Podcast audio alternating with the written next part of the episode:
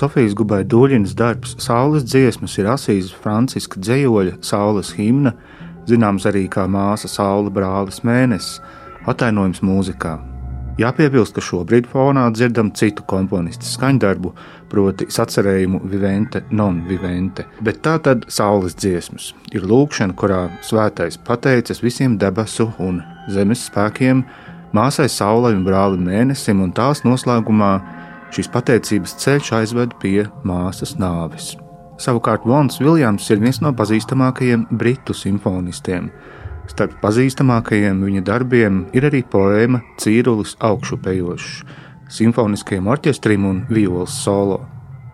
Tiek uzskatīts, ka šī darba aranžējums korim un violai ir tikpat brīnišķīgs kā gubai duļinas opus, viens skanējums un vēstījums ir intīmāks, klusinātāks. Abus skaņdarbus svētdienas pēcpusdienā, pulksten 4. vidzemes koncertzālē, atskaņos Latvijas radio koris diriģenta Kaspara Putniņu vadībā. Korim piepulcēsies čēla meistars Žants Gvijens Keiras no Francijas, violnieks Paula Šūmane, Gunters Freibergs un lietuviešu kolēģis Pāvils Ginters pie sitam instrumentiem. Turpina Kaspars Putniņš. Tas ir čelo festivāls, vai ne? Un līdz ar to čels, protams, ir galvenais tēls šī mūsu stāstā arī dzēn. Bet nu, tā vēlme bija tāda, ka tur varētu piedalīties arī violas solo. Un tad uh, Man par lielu prieku Paula Šumana bija tas ieteiktais solists. Un, nu, faktiski šī programma līdz ar to ir nu, tāds stīga instruments, rīktīgi solo, tāds stīga instruments slavinājums. Jo abi darbi gan, gan Vona Viljams, uh, Lārkas Sending. Es nezinu, kā lai to vispār latviešu iztulko. Cīrulis augšupējošais. Cīrulis augšupējošais, jā, jā, nu tā droši vien varētu. Es, jā, tā to droši vien varētu tulkot. Jā. Un, un arī dzen, Sofijas Gubai Dūļinas uh, saules dziesma. Tie abi, protams, ir izteikti stīga instrumentu solo darbi. Sofijas Gubaļdūļinas opus ir uh, veltījums Stislavam Rostropovičam, un nu, būtībā es to sauktu par čelo koncertu, jā, kur ir čels un tā pavadījumā ir kurs un sitamie instrumenti. Koram ir teksts, bet teksts un vispār viss tā kora funkcija vairāk ir tā kā Nu, tā kā mēs iedomājamies, kāda ir bijusi Grieķu teātrī, protams, proti, tā ir tā, nu, tāda atmosfēra un vispār viss tas, kas ietērpi to stāstu. Tāda skaņas, teiksim, tāda scenogrāfija, gan arī drīzāk tāda telpas veidošana un kaut kāda refleksija no tā, kas notiek ar to galveno personu, kurš ir čelists. Un čelists, manuprāt, spēlē Svētā Franciska lomu šeit. Manuprāt, tas ir ļoti uzskatām un, un skaidrs. Nu, un savukārt Cīrulis augstām ceļošs, jā, nu, tas ir faktiski anglosakšu pasaulē. Man gribētu to darbu salīdzināt ar mūsu melanholisko valsi. Protams, to visi pazīst. To tiešām ļoti labi zina. Bet mēs ar Paulu šodien mēģinājumā spriedām, ka Nevar zināt, vai Latvijā viņš vispār jau kad ir atskaņots. Un oriģināla versija, protams, ir violē ar lielu orķestri. Bet šis ir tāds Pola Dreitona aranžējums, kurš ir salīdzinoši nesen veikts, un viņš ir ārkārtīgi veiksmīgs. Nu, protams, ka kurs un orķestris ir divas dažādas stihijas. Teiksim, tā krāsa palete ir atšķirīga, un kurs skanējums protams, ir daudz intīmāks salīdzinot ar to orķestra potenciālo milzīgo dziļumu. Tas ir lielam simfoniskam orķestram ordināli. Bet, bet, bet kura versija ir absolūti brīnišķīga. Jā. Divi tādi slavinājumi, es teiktu. Katrs, protams, ļoti atšķirīgā toņkārtā un raksturā. Krievu tatāru izcelsmes komponista Sofija Gubaidūļina pērn nosvinēja apaļu mūža jubileju, proti 90 gadus. Mūziķis darbi Padomju Savienībā tika atskaņoti reti un netika ierakstīti, tādēļ komponists sevi uzturēja rakstot kino mūziku, tostarp partitūras animācijas filmām. 1975. gadā viņa bija viena no entuziastiem, kuri dibināja mūziķu apvienību, kas atskaņoja improvizētus skaņdarbus uz retiem Krievijas un Vidusāzijas instrumentiem. Pirmo reizi viņa devās uz rietumiem 1985. gadā, bet pēc septiņiem gadiem pārcēlās uz dzīvi Hamburgas apkaimē. Runājot par Sofijas Gabaidoļas mūziku, jā, man šķiet, ka te ir tas gadījums, kur varam ļoti labi gan kā tie, kas teiksim, nu, atskaņošo mūziku, kas brauc viņā dziļi iekšā un profesionāli tur, tur veido savu lasījumu. Tā gan arī klausītājs atrod sevi tādā telpā, kurā aktuāli notiek, kurā dzimst kaut kādas lietas. Ja? Tā, manuprāt, nav tāda muzika, kas ir nu, tā tāds kristalizēts kaut kāds tāds produkts, bet drīzāk tas ir kaut kāds tāds process, kurā kaut kas veidojas, kaut kas dzimst. Un man liekas, ka te ir tā brīnišķīgā sazobe un rezonance ar to, kas ir tekstā. Jo šī svētā Franciska lūkšana, protams, ļoti slavens teksts, pateicības lūkšana elementiem. Jā. Māsai, mā, nu viņš saka, brālim, saulē un māsai mēnesim, jo tur tie dzimumi otrādi ir, bet tad arī māsai ugunī un brālim ūdenim un mātei zemē un tā tālāk. Tad viņš vēlāk no tām redzamajām lietām dodas tajās neredzamajās, kas tomēr ietērpja cilvēku esamību, cilvēku dzīvi. Un tas tā beidzamā pateicība ir māsai nāvei. Tas ir tāds tā kā ceļš. No, kā, tas pazemīgais cilvēks, kurš mēģina atrast sevi, ieraudzīt sevi pasaulē, pēc iespējas nu, pilnīgāk, pēc iespējas labāk saprast, kas viņš ir. Un kur viņš tajā savā diezgan iekšēnējā ceļā beig beigās nokļūst pie tā galamērķa, kur viņš var būt pateicīgs un akceptēt visu realitāti, kas mūs kā, ietver. Un man liekas, ka Guvēja Dūļina ir, ir tiešām tādā ļoti veiksmīgā, es pat teiktu, tādā nu, teatralizētā, precīzā veidā atainojusi tieši šo, šo ceļojumu, šo meklējumu ceļu. Kā mēs zinām, Francisks bija nu, patiešām tāda nemiera dvēsele, kura vēra vaļā durvis, kura mēģināja pēc iespējas paplašināt to teritoriju, to ap, apziņu un apjēgu par to, kas, kas, kas mēs esam, kas, kas es esmu kas ir cilvēks, kādas ir mūsu iespējas un tā tālāk. Un te šis te, meklējošais gars, kurš sitas pret savu apziņas kaut kādiem krātiņu sienām. Ja?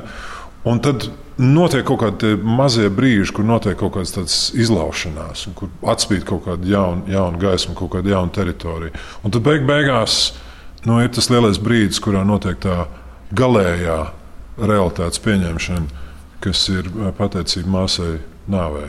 Ļoti rituālisks darbs arī pēc savas būtības. Tur, nu, manuprāt, tas teātris un mūzikas elements šeit ir gan arī līdzsvarā. Ja? Tur ir ļoti daudz informācijas, kas ir tāda metamuzikāla, kas pārsniedz normālus koncertu situācijas rāmjus. Runājot par apaļām jubilejām, 2021. gadā atzīmējot komponistu Imants Kalniņa 80 gadu jubileju, Latvijas radio kurs Sigvarda Kļavas vadībā sagatavojis īpašu programmu ar imantu kalniņu dziesmām, kas tapušas iedvesmojoties no Jāņa Poruka, Ojāra Vācieša Māra Čaklā, Imanta Ziedoņa un Broņislavas Martuževas dzējas. Šo programmu būs iespējams klausīties Kultūras centrā Ulbroks Pērle nākamās nedēļas sestdienā, 24. septembrī. Vēl kaut paralēls ar Francisku un, un Sofijas Gubai Duļinas darbu. Nu, jā, tie, tie, tie lielie lielie nozīmīgie sasniegumi tādi, kas kaut ko sašūpo vai nu individuālā cilvēkā, vai kaut kādā atsevišķā kultūrā, vai visā pasaulē. Nu, tas droši vien ir tieši tas ļaušanās, tiksim, sekošana tam garam, tam impulsam, kurš mēģina, kurš mēģina plašināt savu telpu, kurš mēģina lausties ārā no visa veida kaut kādiem rāmjiem un, un ietvariem, lai aizvien pilnīgāk un dziļāk un vairāk saprastu, izdzīvotu pats sevi un savu, savu vietu un kontekstu ar pasauli un tā tālāk. Un, un Imants Kalniņš noteikti ir tāds gadījums. Ja. Cilvēks, kurš ļoti drosmīgi ir pieteicis savu balsi un savu tādu vispār toņkārtu vispār visā kopējā tajā mūsu muzikas bildē. Nebaidoties patiesībā ne no kā, nebaidoties būt sarežģīts un nebaidoties būt arī bezgalīgi vienkāršs dažās savās izpausmēs, un, jā, nebaidoties būt ārkārtīgi, ārkārtīgi trausls un lirisks. Un, un tas droši vien tas, kāpēc mēs viņu mīlam. Jā. Kaspars Putniņš paralēli darbam Rīgā ir Zviedrijas radio kora galvenais diriģents. Vēlos uzzināt, kā iesākt jaunā koncerta sezona. Es tikko nodzīvoju tur gan mēnesi, jo Zviedrijas radio sezonas sākums, muzikālās sezonas sākums ir liels notikums, un tā tas ir jau, nu, jau vairāk kā 20 gadus. Proti augusta beigas un septembra sākumā, augusta beigās, septembra sākumā notiek Baltijas jūras festivāls, kas ir droši vien lielākais Zviedrijas radio mūzikas departamenta vispār sezonas notikums. Parasti ir bijis vienmēr tā, ka tur ir arī daudz viesu, un arī Latvijas rādio kurs tur bijis vairāk kārt, un Simfonija Rīga ir bijusi tur vairāk kārt šogad. Tur viesojās Ginons Krēmers ar Kremerāta Baltika. Nu, vēl aizvien tajā Covid ēnā dzīvojot un nezinot, kas mūs sagaida nākamajā pagriezienā, tā teikt, aiz ielas stūra. Protams, ka tā ārvalstu viesu aicināšanas ambīcija ir kā, nu, mazināta mazliet pašreiz, viss tā drusku uzmanās. Jo var, protams, viss mainīties un lietas jāceļ, un tas ir visādi sarežģīti. Bet nu, pasākums, protams, nopietns jebkurā gadījumā, un kuram bija jāpiedalās trijos koncertos, divi no tiem bija ar orķestri. Es noteikti gribu atzīmēt Mālera otrās simfonijas atskaņojumu ar Esepeka Salonenu, kurš ir viens no šī festivāla garīgajiem tēviem. Esepeka Tajā laikā, kad festivāls tika dibināts, vēl bija Zviedrijas Rādio simfoniskā orķestra mākslinieckais vadītājs. Un tas bija vienkārši kolosāls atskaņojums. Mans uh, Zviedru radiokors uzstājās kopā, no, nu, protams, ar, ar Radio Simfonisko orķestru, brīnišķīgiem solistiem un arī ar Erika Eriksona kamerkoru. Tā ir tāda kombinācija, ko es pirmo reizi dzīvā veidā dzirdēju. Šie abi kori savā laikā bija ļoti bieži viesis Berlīnas filharmonijā.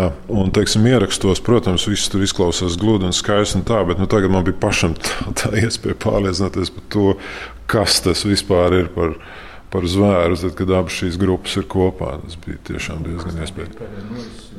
Tas ir uh, Bērvala zāle. Stokholmā, kas ir Zviedrijas rādio, faktiski muzikas, muzikas centrs. Jā, tas ir mūsu orķestra, tad, Zviedrijas rādio simfoniskā orķestra mājvieta, un, protams, arī kurs diezgan bieži uzstājās. Un kurim pašam bija akapela programma festivālā noslēgumā kurā piedalījās arī mūsu latviešu video mākslinieks Roberts Rubīns, par ko man liels prieks. Šī programma bija saistīta ar dziesmu, dziesmu ar zālē augstās dziesmas tekstiem. Un šiem, tādiem diviem šī teksta lasījumiem pa vidu bija arī Mēsijāna pieci dziedājumi, kas saturiski sasaucas ar tēmu, bet nav gluži dziesmu, dziesmas teksti. Nu tā, tā kā sezonas atklāšana vienmēr ir, ir tāds, tāds nu, diezgan nopietns tāds Sports, kas pārvēršas tādā mini-maratonā, faktiski mēnešu garumā, kad uzreiz pēc atvaļinājuma ir jāmēģina vienlaicīgi vairākas programmas.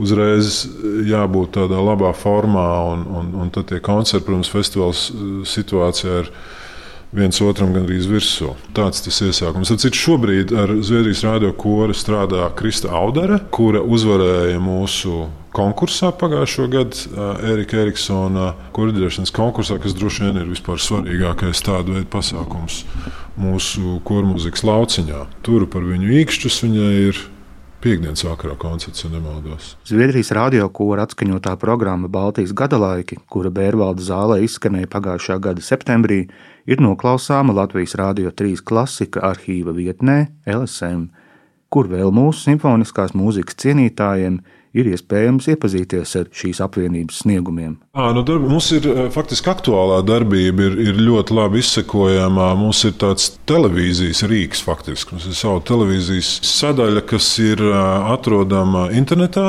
un saucas Bervalda Hallen Play. Un, ja kāds uzgooglē Bervalda Hallen Play, tad to play atrast ir ļoti viegli. Un tad tur uzreiz parādās viss tās, tās tie, tie koncerti. Ne visi koncerti tiek šādā formātā raidīti, bet diezgan daudzi tomēr. Un tad apmēram kad mēnesi viņi ir skatāmi.